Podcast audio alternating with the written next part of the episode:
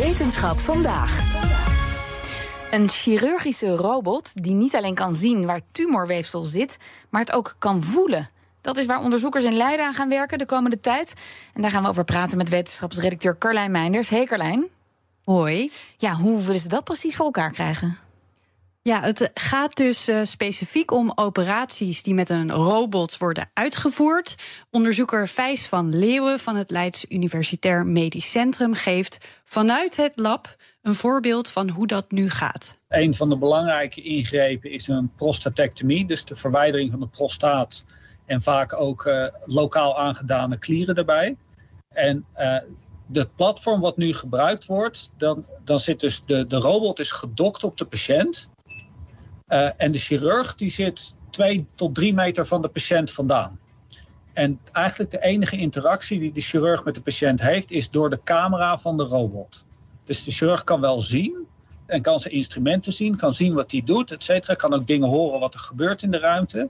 Maar die heeft geen gevoel. Dus die heeft geen interactie direct met de patiënt of met het weefsel. Ja, ik kan me voorstellen dat daar wat nadelen aan kleven. Ja, ja, klopt. Want zien, ja, dat is oppervlakkig. Je kunt niet door iets heen kijken. En soms is iets heel klein en moeilijk te zien. Uh, met alleen zicht, uh, ja, camera's zitten dus al wel op dit soort robots, zou je dus nog dingen kunnen missen. En nu willen we kijken of we die instrumenten die aan die robot zitten zo kunnen aanpassen dat die kunnen voelen wat de eigenschappen van het weefsel zijn waar ze mee aan de slag gaan. En dat dat dus ja, het, het zicht complementeert. Dus dat dat een toevoeging geeft aan wat de chirurg ziet. En met dat voelen bedoelt hij dan ja, de, de, de structuur voelen, het weefsel van zo'n tumor? Ja, nou, het uh, voelen staat hier voor net iets anders. Heel veel mensen ook die dit soort werk doen, die zijn bezig met of dat hard of zacht is. Noemen ze haptic feedback. Dus dan gaan ze proberen de robot zeg maar laten voelen of iets zacht weefsel is, hard weefsel is. Maar het blijkt uit ervaring dat de chirurgen dat niet nodig hebben. Dus alle robotsystemen die nu op de markt zijn, hebben geen haptic feedback. Wat ze wel specifiek willen weten is wat is de eigenschap van het weefsel. Ja, dus is het gezond weefsel of niet? Ja, precies. En hoe ja. kun je dat dan voelen? Dan kijk je met een probe, zoals dat heet, naar de moleculaire eigenschappen van dat weefsel in real time. En dat kan omdat er stofjes worden toegediend, tracers, die specifiek aan de tumorcellen binden. En die kunnen gedetecteerd worden. Het idee is dan nu dat die detectie in de instrumenten, in de tang, wordt ingebouwd. Ja, een beetje als een soort uh, metaaldetectortje, maar dan eentje die tijdens het opereren laat weten of het weefsel dat je vast hebt gezond is of niet. Ja, dit klinkt natuurlijk hartstikke mooi, maar ja, uh, in de wetenschap is het altijd wanneer komt het er? Hoe ver zijn ze? Ja. Uh, ze hebben nu net uh, een hele uh, aardige MWO-subsidie gekregen. Daarmee kunnen ze belangrijke volgende stappen zetten. Zo'n probe die ik net al noemde, die hebben ze eerder al ontwikkeld. Die doet het heel goed. Nu moet het in, in het instrument dus worden verwerkt. En moet er uiterst zorgvuldig gekeken worden hoeveel beter de chirurg hiervan wordt. Dus we gaan ook allerlei software-analyses ontwikkelen op de achtergrond, waardoor we beter weten wanneer het vooruitgang creëert of niet. En dat doen we een beetje in analogie met de Formule 1. Misschien is dat de beste vergelijking.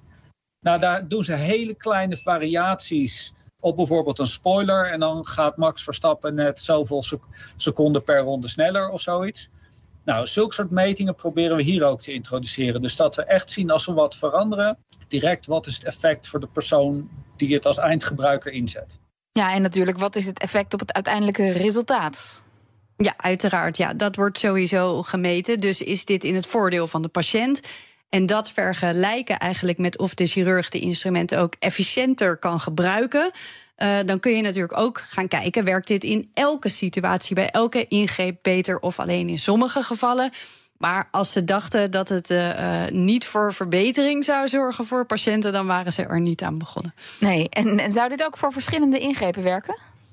Uh, ja, maar in dit geval hebben ze wel heel bewust gekozen voor één toepassing. Als je een oplossing gaat creëren voor alles, dan is het heel moeilijk valideren. Dus wij zeggen van nou, die prostaat-ingrepen doet Henk van der Poel binnen het project.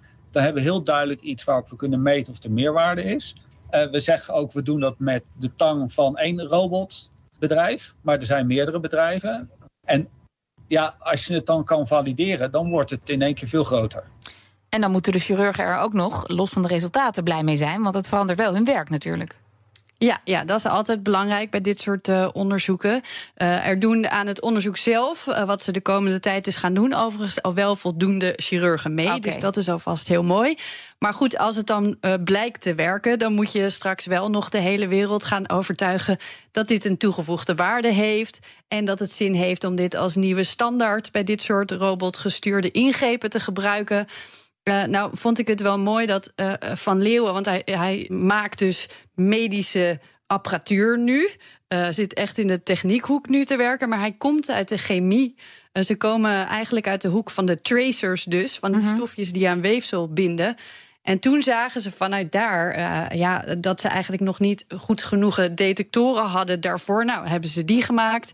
En nu dus uh, werken ze aan een nog betere versie ervan, die in zo'n robottang ingebouwd wordt dan hopelijk met veel preciezere ingrepen waarbij nog minder gemist wordt als gevolg. Dankjewel, Carlijn Meinders. Zeg ZZP'er, heb je nou nog geen arbeidsongeschiktheidsverzekering? Insafai heeft de AOV die wel betaalbaar is. In 15 minuten geregeld, 100% online. Krijg nu 20% korting in je eerste jaar via insafai.nl slash radio.